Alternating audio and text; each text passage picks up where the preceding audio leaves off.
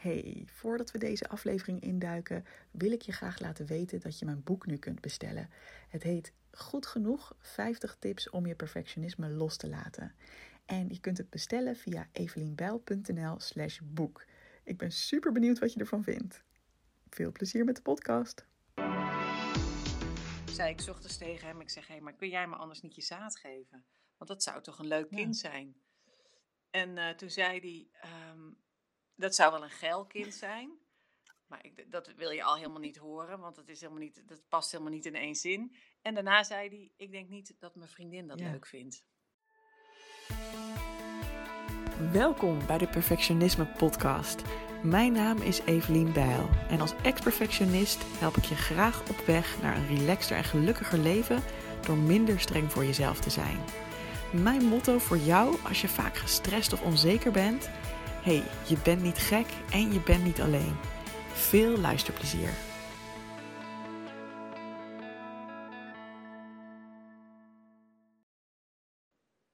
Hey, super leuk dat je luistert naar een nieuwe aflevering van de Perfectionisme Podcast. En ik heb weer een hele fijne en bijzondere gast. Mijn naamgenoot is hier, Evelien de Jong. Um, zij is van wilikeenkind.nl en wat zij doet is dat zij een beslishulp is. Um, Evelien helpt mensen bij de beslissing om wel of niet voor kinderen te gaan. En hoe doe je dat dan? Ehm, ik, als ik het zo zie, dan zijn het met name de hoger opgeleide vrouwen, maar het kunnen ook mannen zijn. Uh, Zo'n beetje tegen de 40, eind 30, uh, eh, begin 40, die een beetje worstelen met het vraagstuk: wil ik een kind en hoe zit het dan met de liefde? Klopt dat, Evelien? Heb ik dat goed gezegd? Het klopt helemaal als een bus. Jazeker. Ja, Evelien. Ja, leuk om zo je eigen naam terug te horen. Ja. Vind ik ook. En vertel eens, want hoe, hoe ben je zo beslishulp geworden? Ik ben beslishulp geworden na een hele lange worsteling met mijn kinderwens. En vooral een, een vrij um, uh, verstikkende tango met het romantisch liefdesideaal. Mm. En daarom vind ik het zo leuk om te gast te zijn in een perfectionisme podcast. Want ik, uh, uh, ik kwalificeer mezelf niet als perfectionist. Maar stiekem was ik toch heel erg um, bezig met een ideaalplaatje wat buiten bereik lag. En daardoor zette ik mezelf vast. Hmm. En achteraf gezien is dat dus toch een vorm van perfectionisme. En, um, en toen ik 36 was en single, toen sloeg de paniek toe. Uh, vrij uh, heftig. Ja. En ineens uh, dacht ik van, hè? Ik heb helemaal niks geregeld ik ben gewoon een beetje van het leven aan het genieten en mezelf aan, aan het ontwikkelen. En ik een tijdje in diverse buitenlanden gewoond en uh, genoten van allemaal dingen. Maar ineens kreeg ik een rekening gepresenteerd voor die levensstijl. Want ik had geen koopwoning, geen vaste relatie, geen uitzicht op gezinsgeluk. Terwijl dat het allerliefste was wat ik wilde. Mm. En uh, uh, toen ben ik verwoed allerlei dingen gaan proberen.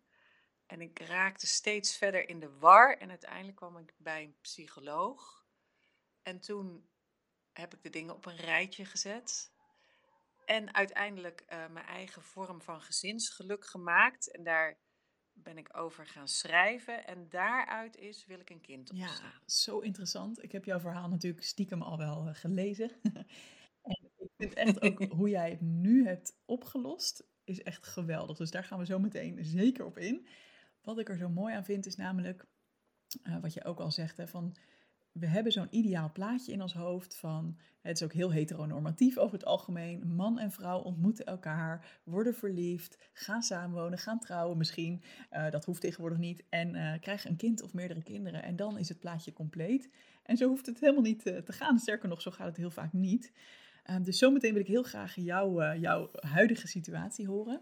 Maar waar ik wel heel benieuwd naar ben is, op je 36e voelde je dus ineens van, ik wil dit.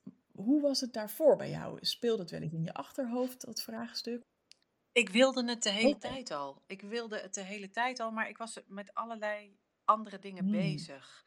Omdat ik dacht, dit komt vanzelf. Ja. Ik dacht, ik, ik ben gewoon leuk bezig, lekker ja. bezig, goed bezig. En dan op een dag valt de ware liefde in Dan word ik beloond met dat ideaal, misschien wel.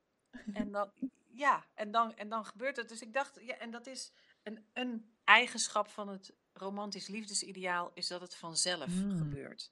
Je kunt daar niet aan werken, je kunt er niks aan doen. Het is het noodlot, destiny, hoe je leven loopt. En dat, dat frustreert zo enorm. En zeker nu nog meer, denk ik, dan toen ik 36 was. Want ik ben inmiddels 48. Maar als ik nu zie eh, hoe daten gaat. En bijvoorbeeld zoiets als ghosten. En, en ehm, met Tinder. Nou ja. eh, ik, ik raakte al in de war zonder al die dingen. Maar met al die Ja, laten we dingen het uitleggen. is het nog veel Wat, wat is erger. ghosten voor mensen die de term niet kennen? Ghosten is dat je aan het daten bent met iemand en je hebt een afspraak. Je hebt misschien een paar afspraakjes en dan ineens zijn ze Ja. weg. Dan veranderen ze in een spook en dan laten ze niks meer van Ja. zich horen. En dat gebeurt soms na gewoon best wel een lange tijd serieus Ja. daten. Heel heftig. Dus dat is afgrijzelijk. Dat is niet hoe je moeder je heeft opgevoed. Het is schandalig. Ik vind het echt schandalig. Maar eh, ehm, het is ook de makkelijkste manier. Ja. Dus je, blokkeert iemand en, je, en je, je tubt al zijn gegevens uit je apparaat. En als je dan niet bij elkaar in de buurt woont, kom je elkaar ook niet Ja. tegen. En dan eh, eh, geef je geen uitleg, geen... Dat zit heel erg dat komt ook door perfectionisme. Omdat mensen zich vastzetten in een beeld van de, van de ideale Mhm. partner, van de ware Mhm. liefde. En die is perfect. Op elk Die partner is perfect in hoe ze Ja. is. En die is dat de hele Ja. tijd. Dus zodra je iets ziet waarvan je denkt, meh, weet ik niet. Of zodra er groei nodig is in je Mhm. relatie, loopt het Ja. stuk. En dan heb je al die datingapparaten en sites en apps die zeggen: er is ergens iemand die Ja. beter is. De, perfec- de perfecte partner wordt altijd als een soort wortel voor je neus gehouden. Hey, en dus jij wist eigenlijk altijd al van, nou, ik wil dat. En eh, jij, je, je bent een tijd lang misschien wel een soort van onbewust meegegaan op dat idee van, ja, maar uiteindelijk komt het vanzelf goed. Wat is er veranderd ehm, toen jij ineens dat besef kreeg van, hé, maar wacht eens even, straks komt het niet goed. Hoe, hoe is dat?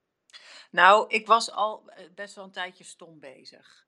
Dus laten we ook zeggen dat. eh, en met stom bezig bedoel ik, ik ben tien jaar lang minnares geweest van iemand die niet mijn Mhm. vriend was, maar de vriend van iemand anders.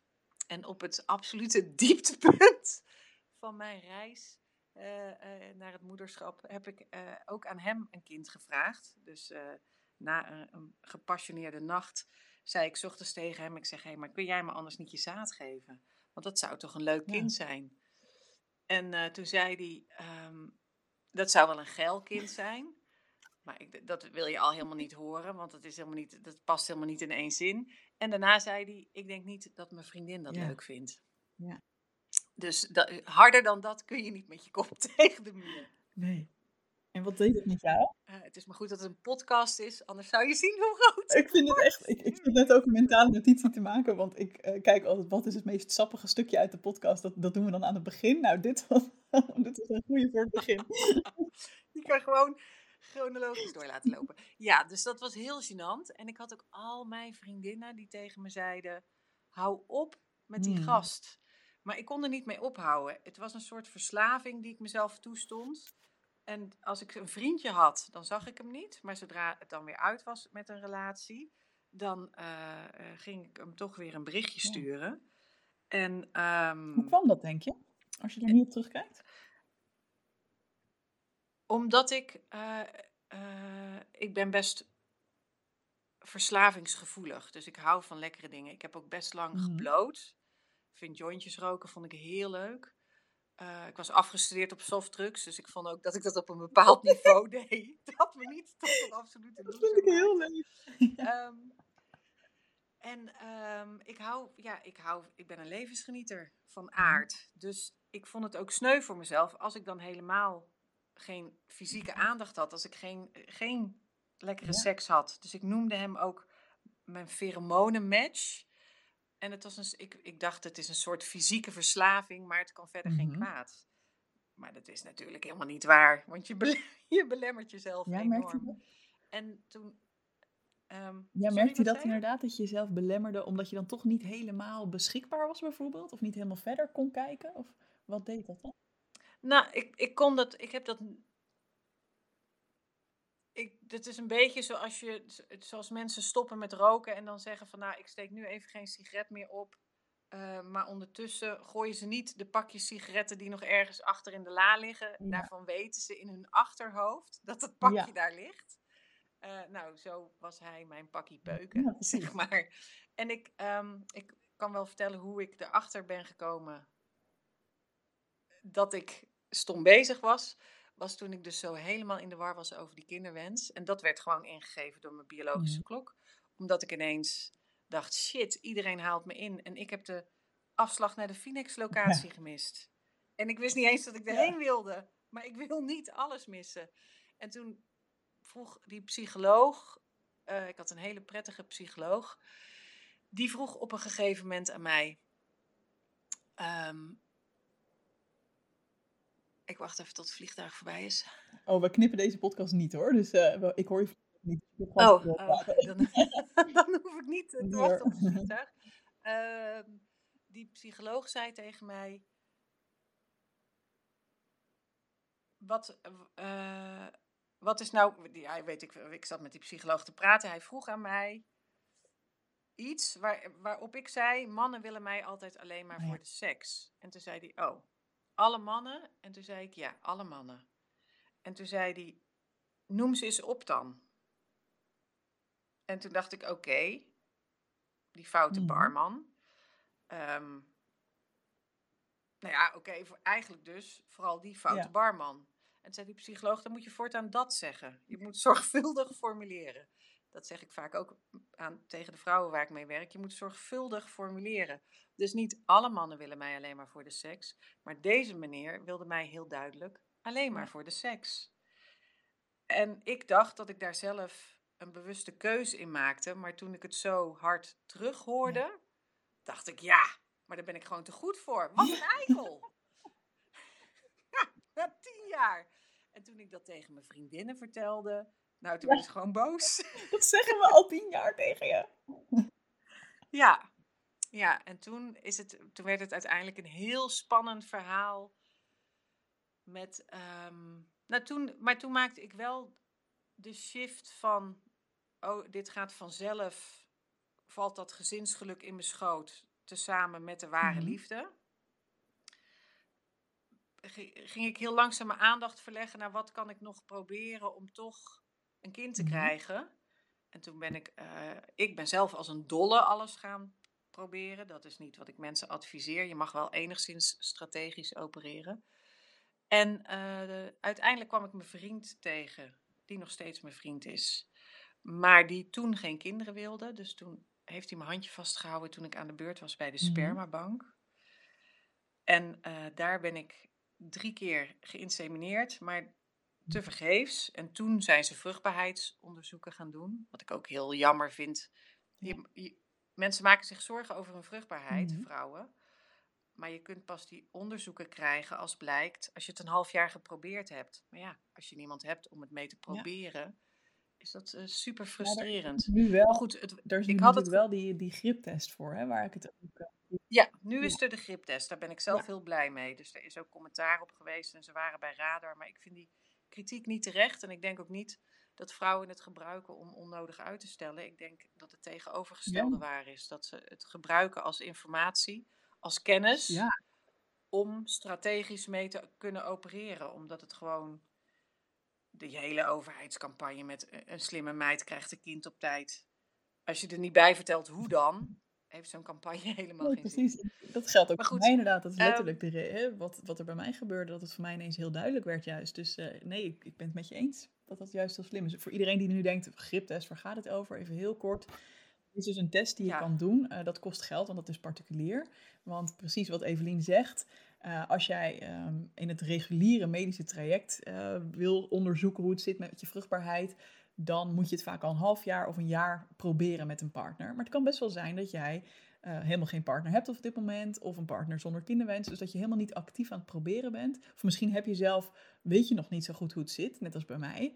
En dan is er dus een griptest, uh, heygrip.nl of heygrip.com is geloof ik de site. Grip Fertility. Uh, volgens mij Hey Grip, maar maakt niet uit. Je kunt al griptest googlen en dan vind je het wel. Oh, misschien hebben ze. Ja, waarschijnlijk hebben ze meerdere ingangen. En um, dan, dan, kun je voor ongeveer 150 euro de belangrijkste oorzaken van onvruchtbaarheid testen, zodat je weet van hoe staat het ervoor. Uh, ik heb dat ook in mijn eerdere podcast, die heet Bonus en Vruchtbaarheidsdingen. De podcast begint weer en Vruchtbaarheidsdingen. Vertel ik daar uitgebreid mijn verhaal. Maar terug naar jou, Evelien. Jij kreeg toen uh, na, na, ongeveer na drie pogingen uh, met donorzaad, zeg maar, kreeg jij een, een onderzoek. En hoe, hoe ging dat verder? Toen heb ik een onderzoek af, afgedwongen. Laten we niet, uh, ik, ik, adviseer mensen ook om assertief ja. te zijn. Um, dus ik had steeds een verpleegkundige die zei: Oh, wat een prachtig glanzende baarmoedermond. Nou zal het wel goed gaan. Maar het ging helemaal, het, er gebeurde helemaal niks. En toen dacht ik: Ik ga niet nog langer proberen. Ik maak gewoon een afspraak met de gynaecoloog. En dan bel ik de huisarts en zeg ik: Ik heb een verwijsbriefje nodig in de omgekeerde ja. volgorde. En toen gingen ze daar testen. En omdat ik ooit chlamydia heb gehad, uh, dan testen ze ook op uh, dichte eileiders. En dat was bij mij het geval. Allebei mijn eileiders ja. zitten dicht. Maar dat bleek, deze grote imperfectie, bleek een zegen. Mm. Want dat is dus de reden dat het donorzaad nooit, dat dat zinloos was. En dat mijn vriend, uh, die nog steeds mijn vriend is, uiteindelijk een kans kreeg om, om toch mm. mee te mm. doen. Want toen kon ik dus alleen, als je allebei je eileiders dicht zitten, kun je alleen met IVF ja. zwanger worden. En toen ging ik dat IVF-traject in, maar inmiddels waren wij al een jaar verder. En toen zei ik, nou wil je dan nu IVF met mij meedoen? En toen uh, voelde hij zich eerst een beetje klemgezet, maar daarna zei hij, dat wil ik mhm. wel. En heel romantisch zei hij, ik, doe wel mee, omdat ik denk dat als het misgaat tussen ons, dat wij dan toch nog goed met elkaar overweg zullen mooi. kunnen. Mooi, ja.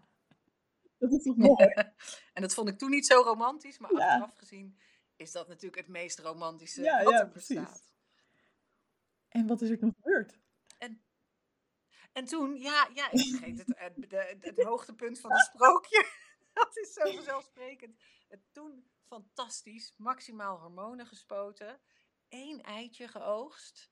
En uh, toen uh, ik zie gedaan, dus een zaadcel in het eitje gestopt.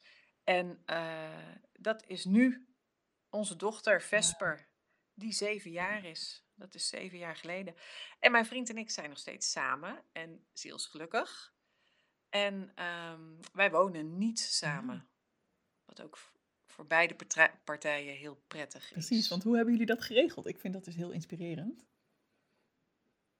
Dat is het, dat is het. Um, hoe hebben we dat? Nou, um, dus IVF en toen waren, waren we zwanger. Uh, ik woon in een mhm. woongroep. Een linksradicaal biologisch-vegetarische woongroep. Maar wel achter het concertgebouw. Dus uh, heel erg op stand. Maar ook, um, ja, wij koken voor elkaar en wij vormen één huishouden. En mijn vriend woonde toen nog uh, op de Valkenburgerstraat. En toen ik zwanger was en hij op vakantie was, is zijn huis oh. afgebrand. Of althans het huis naast hem, maar zijn huis werd onbewoonbaar verklaard. Dus uiteindelijk wonen die even tijdelijk bij mij toen Vesper mhm. geboren is. En uh, dat hebben we even gedaan toen ze een babytje was, een paar maanden. En toen vond hij weer iets voor zichzelf. En uiteindelijk vond hij helemaal een geweldige uh, woongroep voor zichzelf. Maar uh, het niet samenwonen bevalt ons eigenlijk ja, wel geweldig.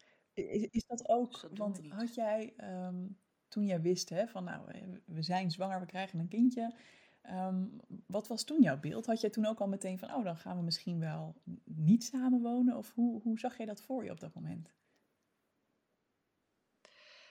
Ik ontplofte van dankbaarheid dat het gelukt ja. was. Dus ik was in een permanente staat van de euforie, omdat ik op mijn veertigste toch nog een kind ging krijgen.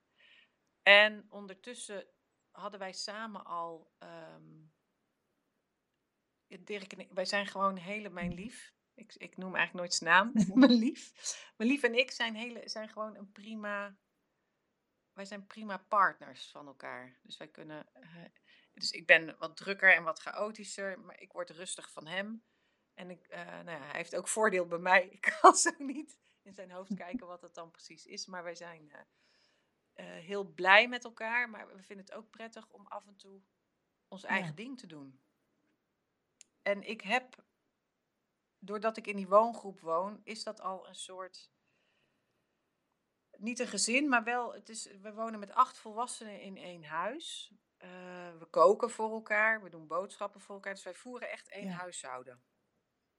En dat, dat, beva- dat bevalt mij eh, heel goed. Dat bevalt mij heel goed. Dus in die Wat was je vraag? was je of, vraag of je het ook zo voor je zag toen jij zwanger was. Hè? Want juist omdat we het romantisch liefdesideaal hier lekker eh, even Ja, verpulveren. pulveren. We verpulveren het romantisch Ja. liefdesideaal. We maken een nieuw. Dat is, maar daarvoor moet je het wel verpulveren. Ehm, ja, nou, ik woon in Amsterdam. En dus iemand zei, is dat een bewuste keus? Vroeg iemand gisteren nog aan me. En het is en een bewuste keus en het wordt ook ingegeven door de context. Dus eh, er is op de woningmarkt in Amsterdam is er nou niet heel veel optie om te zeggen, goh, kan ik nog ergens in het centrum een hele ruime woning vinden eh, met alle genoegens die ik Ja. nu heb en, eh, en kunnen we daar prettig Ja. samen gaan wonen. Maar ik moet zeggen dat ik ook ehm, het, het, het moeilijke zit hem in je eigen autonomie. Ik ben, aan het, ik ben stil omdat ik aan het nadenken ben over hoe ik het zal Mhm. formuleren. Je eigen autonomie en de verbinding Ja. met de ander. Dat is dus iets wat als je, omdat vrouwen helemaal onafhankelijk zijn, omdat je niet meer van, net zoals vroeger, had, had je een hele duidelijke rolverdeling. En was die verbinding op veel meer vlakken. En nu word je geacht als vrouw juist onafhankelijk, onafhankelijk Ja. te blijven. Dus er wordt van je verwacht dat je je eigen financiën blijft regelen. Dat je zorgt dat je net zoveel werkt als de ander. Dat je, dat, dat je de huishoudelijke taken gelijk verdeelt. En alle onderzoeken tonen aan dat dat helemaal niet mogelijk is. Dat dat niet gebeurt. Maar ik denk dat als je niet gaat Mhm. samenwonen, dat dat veel makkelijker te behouden is. Omdat de, de grenzen ehm, zo concreet zijn. Het is zo duidelijk. Je hebt mijn huis Precies, en dus zijn jij zorgt huis. voor jouw huishouden, hij voor het zijne. Eh, en jullie hebben Vesper 50-50 van de tijd? Of Ja, wij hebben het heel eh, subliem geregeld, vind ik, vind ik zelf. Dus we hebben ehm eh, twee, dus eh, wat is het? Twee dagen eh, papa, twee papa-dagen, twee mama-dagen. De woensdag Ja. wisselt. En het weekend is voor met z'n drieën en soms ook Ja. niet. Ehm, dus dat is op afspraak, zeg maar. En, en nu heeft mijn vriend een baan op Terschelling. Wat geweldig is. Eh, Maar dat betekent dat hij de halve week weg is. Ik was heel enthousiast toen hij zei: Oh, ik kan een klus gaan doen op Terschelling. Toen zei ik: Ja, Terschelling, fantastisch, geweldig, moet je doen. Had ik me niet gerealiseerd. Hij gaat Ja, naar ja. Terschelling. Maar ik zit in Amsterdam. Ehm, maar dat, dat gaat ook, eh, dat gaat ook oké. En dan eh, dat 50-50 is ook prettig. Want het is ook heel prettig om even geen Ja. moeder te zijn. Een Nou, paar ik kan me dagen. dat dus helemaal voorstellen. Ik heb dit dus altijd al geroepen van, oh, dat lijkt co-ouderschap. co- ik noem het even co-ouderschap. Ik weet niet of jij het zo noemt. Oh, dat lijkt me nou heerlijk. Ja, maar co-ouderschap is heerlijk. En het is, ehm, ja, tenminste, vast niet voor iedereen. Dus dat is natuurlijk een afweging die iedereen persoonlijk maakt. Maar toen ik ging googlen op co-ouderschap, want ik heb ook een tijdje met homo's gedate. Een hele goede homo-vriend. Waarvan ik nog steeds het jammer vind. Heel af en toe, eh, hij is eh, geëmigreerd en heel af en toe is hij terug in Amsterdam. En dan ga ik altijd met hem lunchen of koffie drinken. En dan vind ik het zo jammer dat we toch niet samen een Ah. kind hebben gekregen, omdat het zo'n ontzettend leuke man is. Ehm, maar, eh, wat wou ik zeggen? Co-ouderschap. homo's? Oh, oh ja, over co-ouderschap. Toen ik ging googlen op co-ouderschap, je komt altijd co-ouderschap na scheiding Ja. tegen. Terwijl waar we naartoe gaan, is dat er veel meer mensen zullen kiezen voor co-ouderschap zonder dat ze gescheiden zijn. En ik denk dat dat een heel significant verschil is. Dus het maakt heel veel uit of dat je co-ouderschap doet na een scheiding, of dat je start met co-ouderschap. Ja. wat ik gewoon geweldig vind, en we zullen zo ook verder ingaan op hè, perfectionisme en wat jij ook in jouw praktijk tegenkomt, zeg maar hoor. Maar ik vind dit zo'n mooi verhaal en daarom vraag ik er ook wat, wat langer op door. Uh, omdat het voor mij ook heel erg de ogen opent van, ja maar jongens, ehm, er is inderdaad zo'n plaatje van dit is eigenlijk hoe het hoort. En uh, dan zijn mensen dat soms na de scheiding, uh, hè, vinden ze echt hun weg wel, ook met, met dingen samen regelen en verdelen. Uh, maar hey, je kunt ook kiezen voor een niet standaard vorm van een gezinsleven. En hè, in plaats van dat dat een beetje ingegeven is door, nou oké, we zijn nu uit elkaar, dus het gaat zo, kun je daar al van tevoren heel bewust voor kiezen. Van nou, we hebben ons allebei onze eigen ruimte, onze eigen plek, onze eigen tijd. Uh, en we zijn ook samen. En ja, ik vind dat gewoon geweldig. en ik denk dat dat voor heel veel mensen goed zou zijn. En zeker inderdaad niet voor iedereen hoor. Dus dit is niet uh, een soort van missie van ons om hè, de, de Eveliens proberen de wereld te, te veranderen. Iedereen moet gewoon uh, uit elkaar en niet samenwonen. Maar voor, voor heel veel mensen denk ik dat het beter werkt. Terwijl, er, ja, terwijl het nog niet zo als normaal gezien wordt, denk ik hè? Nee, maar wat ik wel... Dus de, normaal is Um, de helft van de Nederlandse kinderen groeit niet op in een standaard getrouwd gezin met beide, met beide ouders samen in één huis. Dus de helft. Wat is dan normaal, hè? Ja, voldoet niet aan de norm. Maar die helft, die is zo divers dat je hem niet ervaart als een andere helft. Dus, dus dat is, dat is eh, zeg maar het, en ik denk ook dat dit nog veel meer gaat veranderen. Dus je ziet al meer een tendens, ook omdat die relaties veel dynamischer zijn geworden dan, dan dat ze vroeger waren. En omdat mannen en vrouwen op andere gebieden veel meer gelijk zijn. En er, er zijn nog heel veel uh, dingen niet uitgekristalliseerd of hebben nog geen vaste plek gevonden. Maar ik heb ook al wel eens gezegd dat um, het feminisme ben ik helemaal blij met al onze verworvenheden. Maar het huishouden heeft natuurlijk niemand opgepakt. Dus ik weet wel dat ik het niet wil doen. Maar, maar er, is, er is uiteindelijk, hè, de mannen willen het ook niet doen. En dan moet je eigenlijk een werkster nemen. Ik kom ook heel veel vrouwen tegen die zich ervoor zouden schamen om een nou werkster te nemen. Omdat ze dan denken, ja, maar zo ben ik niet. Ehm, en dat is, en met die, dat voor altijd samen blijven van de gezinnen die getrouwd mhm. begint, sneuvelt 39,6 procent. En dan weet ik zeker dat er van die 60 procent die bij elkaar blijft, nou daar is 10 tot 20 procent bij tijd en wijle ook niet echt goed van mm-hmm. te noemen. Je kent allemaal wel mensen in je omgeving waarvan je denkt, gingen ze maar uit elkaar.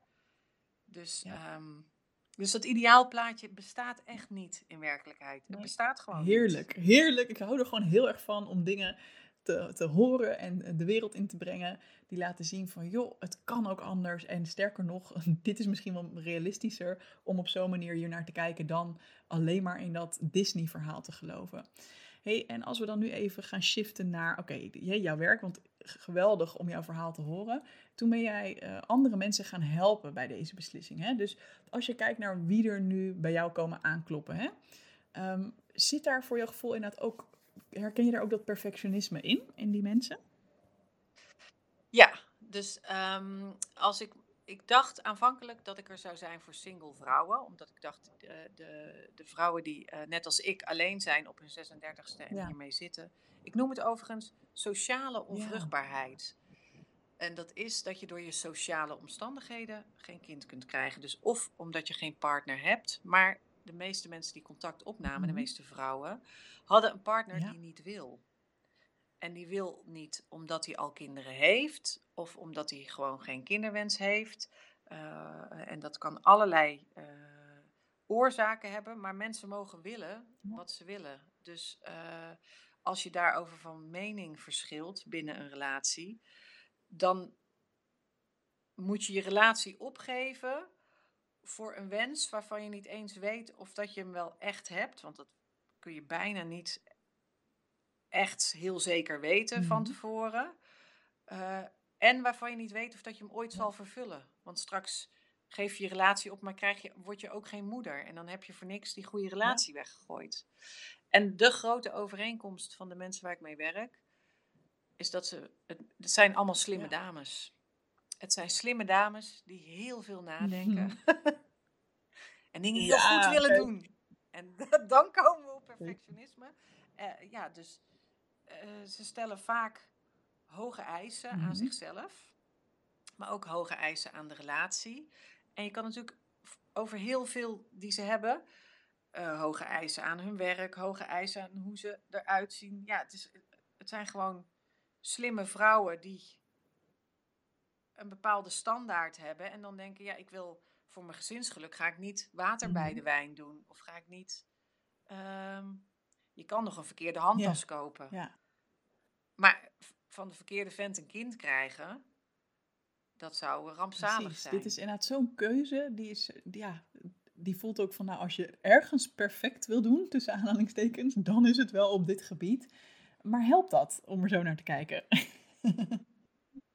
nee, nee, het helpt helemaal niet. En toevallig zit ik net ook, want het, het zet zich door. Dus die vraag over perfectionisme, die heb je voorafgaand mhm. aan het besluit of dat je wel of niet een kind uh, in je leven wil, dan zit dat perfectionisme er al in van, maar van wie dan en hoe dan? Dus een van de grootste problemen is, ga ik, uh, de grootste angst is, krijg ik hier later spijt van?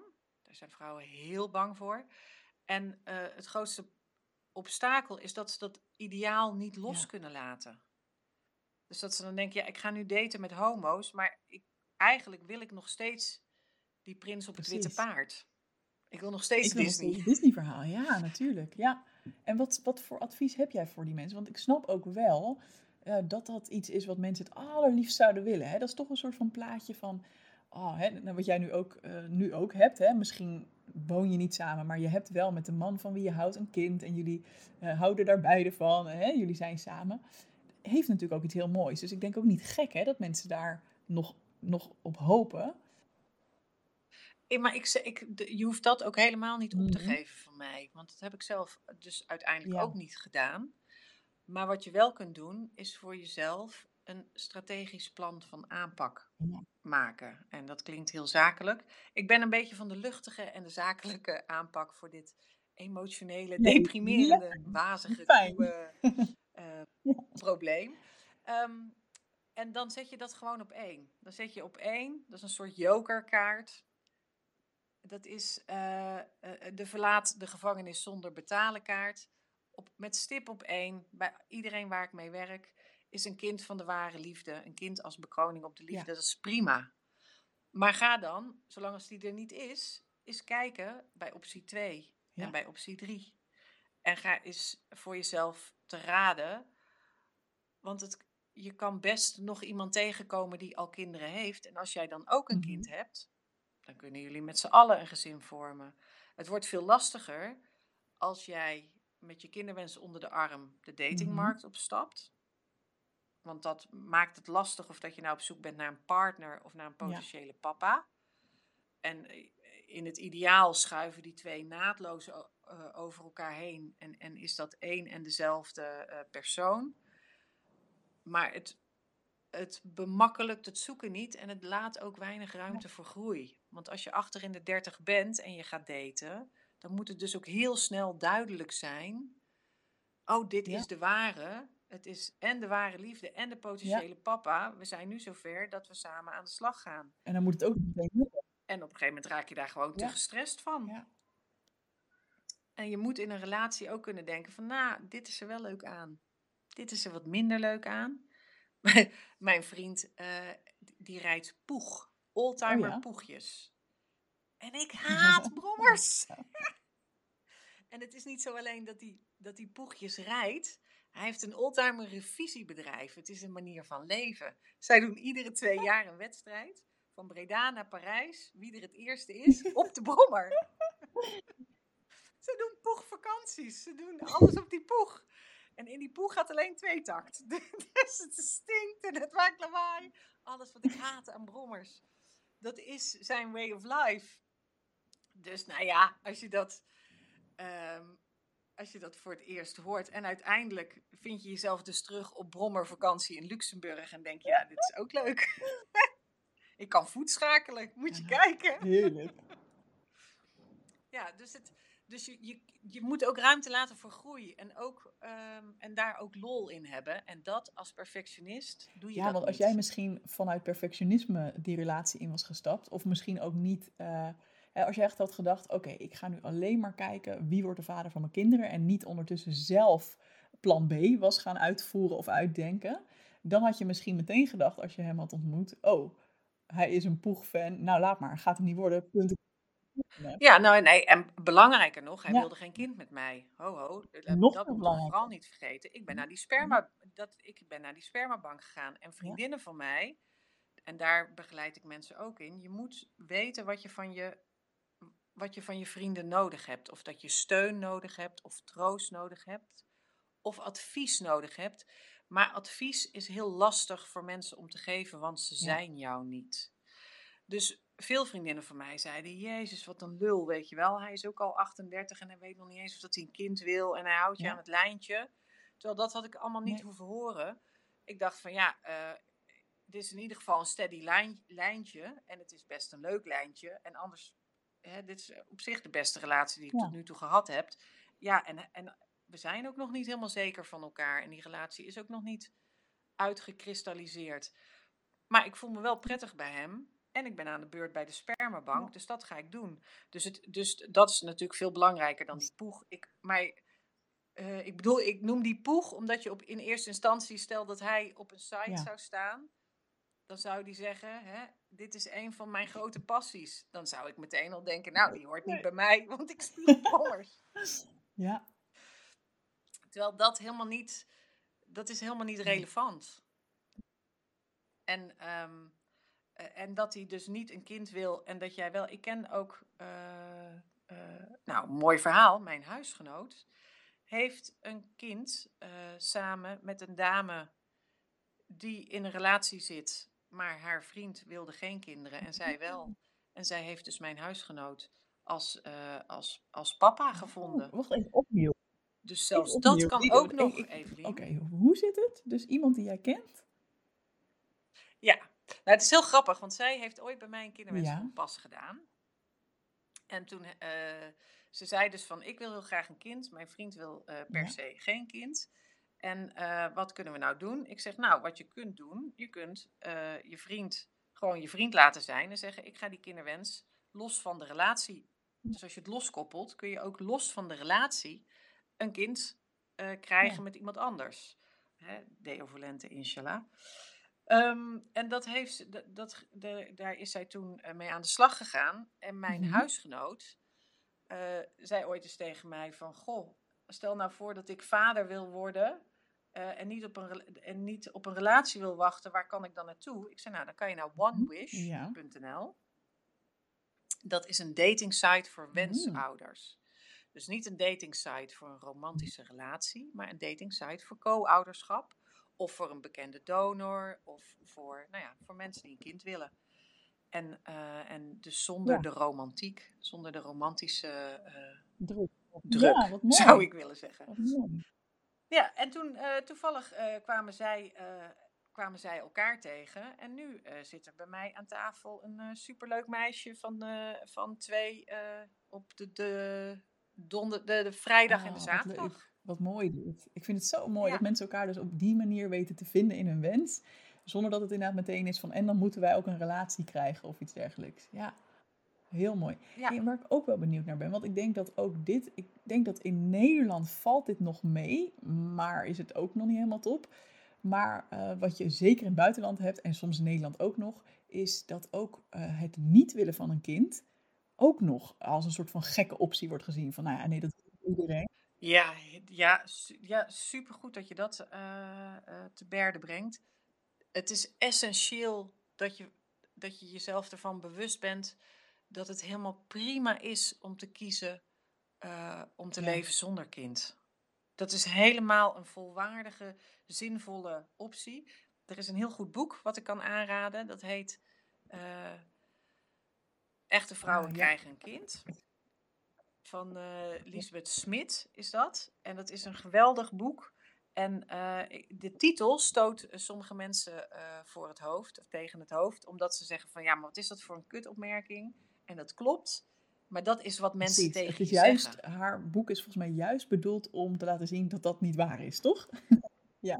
Ja, ja om, dat, om te laten zien dat mensen dat tegen je zeggen en ja. dat het niet waar is. Het is dat, dat, uh, Gloria Steinem heeft gezegd: alleen omdat dat je een baarmoeder hebt, wil nog niet zeggen dat je moeder moet worden. Net zo min als het hebben van stam, stembanden je ertoe verplicht operazanger te worden. Dus alleen het feit dat je een baarmoeder hebt, betekent nog niet dat je hem ook moet gebruiken. Je hoeft niet, zeker, dat is absoluut superbelangrijk. En dat is ook, um, daar ben ik pas eh, nu later, ik ben begonnen echt met die sociale onvruchtbaarheid en welke opties en hoe ja. vervul je je dan. En op het moment zit ik heel erg uh, diep in wil ik moeder worden of niet? En waarom wil ik dat wel en waarom wil ik dat Want dan niet? is dus ook de uitkomst van een traject bij jou bijvoorbeeld, uh, zou ook kunnen zijn, nee, ik wil toch geen kind. Ja, ja dat kan. Dat kan heel goed. Daarom is het ook ja. een vraag. Daarom is de, de naam van de website ook Wil ik een kind? Vraagteken.nl En niet Precies. ik wil een kind. Omdat dat ho je, je hoeft dat helemaal niet. De vraag is of dat je dat wil. En zeker als het niet vanzelf komt. En ik heb ook een heel, dat is trouwens ook een heel goed boek. Regretting Mm. Motherhood van uh, Orna Donat. En dat gaat over spijt Ja. van het moederschap. En dat is geschreven door een Israëlische sch- sociologe. En eh, eh, in Israël krijgen heel, v- daar moet je als vrouw helemaal een Mhm. kind krijgen. Dus daar is zo, de, de, de sociale druk is zo eh, hoog en het is zo vanzelfsprekend dat je als vrouw kinderen krijgt, dat eh, zij interviewt vrouwen die daar eh, zonder nadenken aan het moederschap zijn begonnen en wie dat Ja. helemaal niet past, die daar ontzettende Ja. spijt van hebben. En dat is een Ja. enorm taboe. En daar, daar zit aan vast dus dat je ook, en ik merk nu dat al, ehm, nou, dus mijn dochter is zeven, maar die krijgt al van kinds af aan de verwachting mee, oh, jij zult Ja. later moeder worden. En daar probeer ik voor te waken en tegelijkertijd Ja, precies. Ja. Dus- ja en ik ben natuurlijk veel te laat begonnen, dus wat mij betreft wordt ze tienermoeder. Wil ik het nog een Ja, leuk, ja. Ja, leuk. Nee, Vesper, als je dit ooit terugluistert, je moet gewoon lekker Precies, ja. Nee, maar het, het is zo, het is zo'n herkenbaar Maar, iets. En ook gewoon eh, hè, vrouwen van, eh, nou ja, vanaf halverwege de twintig, maar zeker boven de dertig, krijgen inderdaad ook gewoon heel vaak de vraag hè, van hoe zit het? En eh, wanneer gaan jullie beginnen als je een partner hebt? En als je geen partner hebt, is, van, eh, is het van, nou, eh, wordt het niet eens tijd voor een partner? Want wil je geen kinderen? Ja. of dat denk je nu wel, Oh, dat vind ik ook zo. Het, het oh, gore lef dat iemand durft te zeggen over zo. zo'n onderwerp, Ja. dat denk je nu wel, maar later zul je Als je nu zegt dat je het niet wilt, ja, nee, echt. Hoe niet Ja, serieus kun je mensen nemen? Volwassen mensen, ja, vind ik echt. eh, ja, het is ja. heel raar. En ook de mensen, wat ik ook, wat me ook, nou weer toch even zo'n rondje doen. Mensen die zeggen, "Het- is egoïstisch dat. En dan volgt er iets. Dan denk ik, hoezo gebruik je het woord egoïsme in deze context? Waarom betrek Ja. je dat in deze, als het gaat over kinderen krijgen, heeft er Ja. niets mee te Maar die kun je maken. zowel Niets. verwachten als je wel kinderen wil, als wanneer je geen kinderen wil. Hè? Want in beide gevallen, Ja, dus ja hij komt van allebei de kanten. is het echt. nooit goed. En dat vind ik trouwens ook van, ehm, wat ik ook nog even, dat is, dat, hij heeft er zeilings, houdt dat er verband mee. Maar er zijn steeds, dus naarmate mensen jonger worden, zijn ze steeds eh, meer tegen abortus. Mm. Dus ik geloof dat de ChristenUnie heeft een onderzoek laten doen. En daar werd aan mensen gevraagd, vind je eh, het... En 95% van de mensen onder de 35 vond het een goed idee dat mensen die abortus eh, willen laten Mhm. plegen, vrouwen dus, vrouwen die abortus willen laten plegen, dat die van tevoren een vragenlijst eh, moeten invullen en dan de reden moeten opgeven dat ze eh, Ja. abortus willen. En dan denk ik, ja, de reden is bekend. Ze zijn ongewenst zwanger. Is er iets wat je niet begrijpt aan het woord ongewenst en aan het woord zwanger? Wat, en ze willen de, de reden weten, omdat ze, die jonge mensen, die zijn zich dan ook nog, hebben ze gevraagd wat zijn goede redenen en mhm. slechte reden, redenen. En het meest, het meest storende is dus dat, kijk, een goede redenen, uh, goede redenen voor abortus zijn dat je verkracht bent of dat je ehm, een, een gehandicapt kind mm. zult krijgen dan vindt men abortus oké. Maar als je geen kinderwens hebt, of als je niet in een goede relatie zit, of uh, je, je sociaal-economische omstandigheden zijn niet oké, vinden ze geen goede reden. Ja. Nou, daar, echt, ik, nu ik het zit te vertellen, krijg ik gewoon de rillingen lopen over mijn rug. Zo zonder empathisch vermogen. Ja, maar goed. dus, um, er is nog veel te doen hey, en um, stel, hè, er zit nu iemand te luisteren en die denkt: Oh mijn god, inderdaad, ik uh, heb misschien ook wel ergens uh, last van dat, dat, dat perfectionistische liefdesideaal, dat romantische liefdesideaal. Dus ofwel uh, iemand die zit te luisteren um, is single, ofwel heeft een relatie. Hè, dus ik ga er nu even vanuit dat diegene misschien wel een kind wil. of diegene heeft een relatie met iemand die daar ja, nog niet aan toe is of dat gewoon überhaupt niet wil. Wat zou je dan zeggen dat een eerste goede stap is om te gaan doen? Dus je zei heel mooi net al, je moet uiteindelijk een plan gaan maken. Van, wens nummer één is nog steeds de ideale situatie. Een kind als bekroning op de liefde. En uh, wat is mijn, uh, mijn plan B, zeg maar. Um, maar wat is dan het eerste stapje als je dit nu hoort en voor het eerst misschien wel denkt, fuck. Nou ja, dus ja, dat, als, je, als, als dat zo is, dan zou ik echt uh, een mooi schriftje voor jezelf kopen en een lekkere pen en voor jezelf echt ideeën gaan opschrijven van hoe je toch een plan kunt maken. Gewoon de second best option. Dat zal lastig zijn voor perfectionisten, hè? maar dat is toch. Want het is die het is de tweede optie en daar uh, zonder dat je die eerste optie afstreept, je hoeft hem helemaal niet door te strepen, maar toch zo'n tweede optie, daar gewoon eens over fantaseren. Gewoon fantaseren over. En natuurlijk, ja, uh, uh, er staat. ik heb een kinderwens beslisgids. Op wil ik een kind. Daar staan alle mogelijke opties in. En uh, uh, die kun je gratis downloaden. Dit is een goede, ja, dus dan moeten en, mensen even naar wilikenkind.nl. En vinden ze hem dan meteen of moeten ze nog iets erachter zetten? Ja, op de homepagina staat er ergens van download die kinderwens beslisgids. En dan krijg je ook de nieuwsbrief met alle... Uh, ja, ik deel, ik deel van alles. en er staan ook diverse blogs over wat je dus kunt doen. Dus de situatie is iets wat verschillend als je een vriend hebt. Want als je een vriend hebt, wat ik veel zie gebeuren, is dat vrouwen dan steeds aan die vriend vragen: Wil je mij een kind geven? op een andere manier. Dus ze denken dat ze niet die vraag stellen, maar eigenlijk stellen ze toch stiekem die vraag. en dan krijgen ze er steeds ruzie over. Want die vriend heeft al gezegd, nu niet. En dan denken ze een week later, nu dan wel? en dan denkt hij, nee, we zijn een week verder. Ja. Dacht je zelf? Um, en, en voor vrouwen die, um, die solo uh, uh, zijn, is het, is, het, is het goed om gewoon eens voor jezelf, omdat je, omdat je stress krijgt van de tijd. Ik kreeg stress van de tijd. Um, dus dan kun je voor jezelf eens denken van oké, okay, tot, hoe, tot wanneer wil ik het max... De tijd is niet een zee, hè? Dus we hebben niet mm. zeeën van tijd. Je ovuleert. Iedere ovulatie is een kans op een kind. In theorie. En dus je ovuleert 13 keer per jaar, als het gunstig is, tot je 43ste, 44ste. Dus het is niet zo dat je eindeloos veel kansen hebt. Je kunt gewoon uitrekenen hoeveel kansen je maximaal hebt en dan eens kijken wanneer wil ik eens, want de tijd die tikt Ja, genadeloos en dat is door. natuurlijk nog even ervan uitgaan hè, dat je bijvoorbeeld geen PCOS hebt, hè, waardoor je misschien veel minder eh, vaak eh ovuleert. Of hè, dat je niet iets hebt waardoor je bijvoorbeeld minder eitjes hebt. Of, hè, dit is even de, het gemiddelde, zeg maar.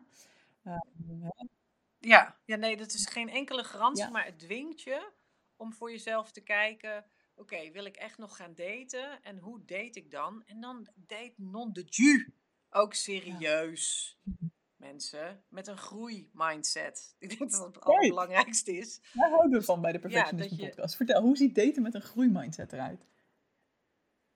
nou, dat je dus inderdaad, ehm, eh, dat je en selecteert op dingen waarvan je denkt: dit is wat ik zoek in een goede partner en, een, en, een, en eventueel een Ja, potentiële papa.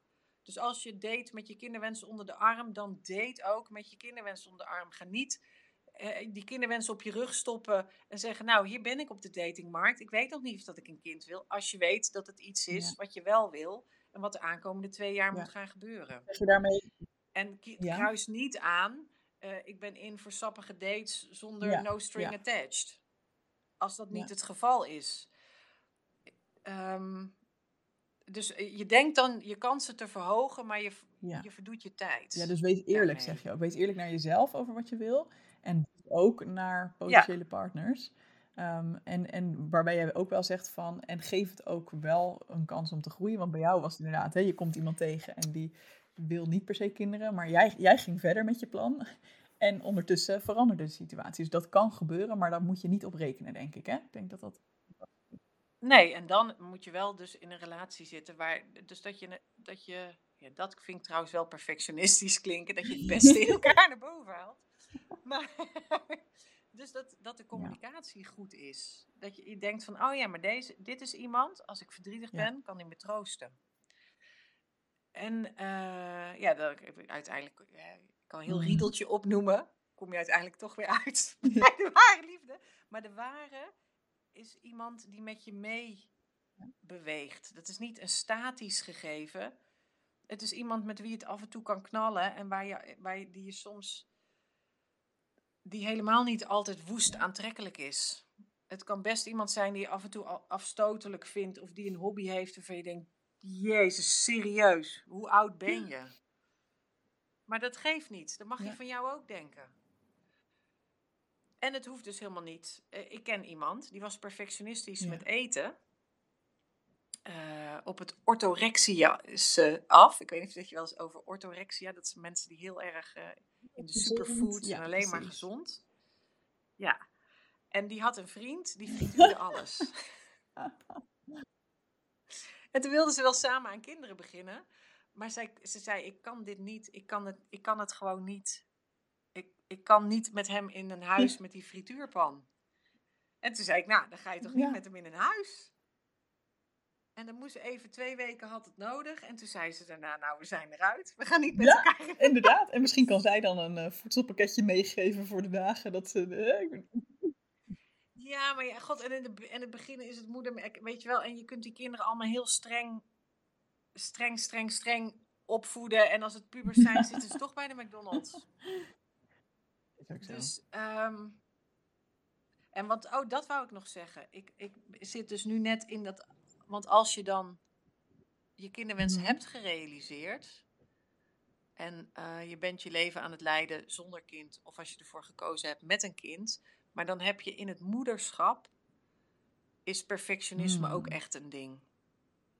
Je kunt niet de perfecte moeder zijn. Als, als ouders fuck je je kind op. Dat is nou eenmaal hoe het is. Daar ben je, daar ben je ouder voor. Dus als je daar perfectionistisch in vliegt, ja, dan loop je ook Ja. met je kop tegen Ja, ik denk, ik denk dat dat heel erg klopt voor alles, maar, eh, maar zeker ook voor ouderschap.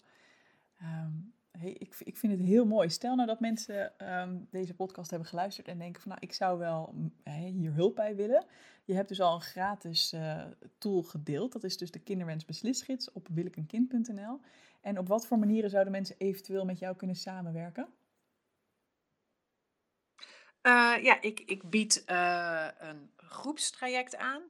En dat is online en met Mhm. Zoom-meetings. En dat is een heel divers eh, pakket van eh, opdrachten. Eh, het is prettig als je houdt van lezen en schrijven. En er zitten begeleide meditaties bij, waarna je opschrijft wat je ervaringen daarmee zijn. En ik bied ook een maatwerk één op één traject aan. En dat is dan een half jaar. En dat groepstraject Oh ja. is twaalf Dus weken. op twee manieren kun je inderdaad echt werken. Ofwel één op één met jou, ofwel in een groep. Ja. Daar. En voordat je daaraan Mhm. deelneemt, eh, voer ik altijd eerst een persoonlijk gesprek met mensen. Want niet iedereen is daarvoor geschikt. En dat doe ik in de kinderwenscan. En dat, die intake is kosteloos. Dus daar kunnen mensen zich altijd voor aanmelden. Heel erg bedankt, Evelien. Ik vond het een heel mooi gesprek. Volgens mij hebben we lekker wat heilige huisjes omver gegooid vandaag.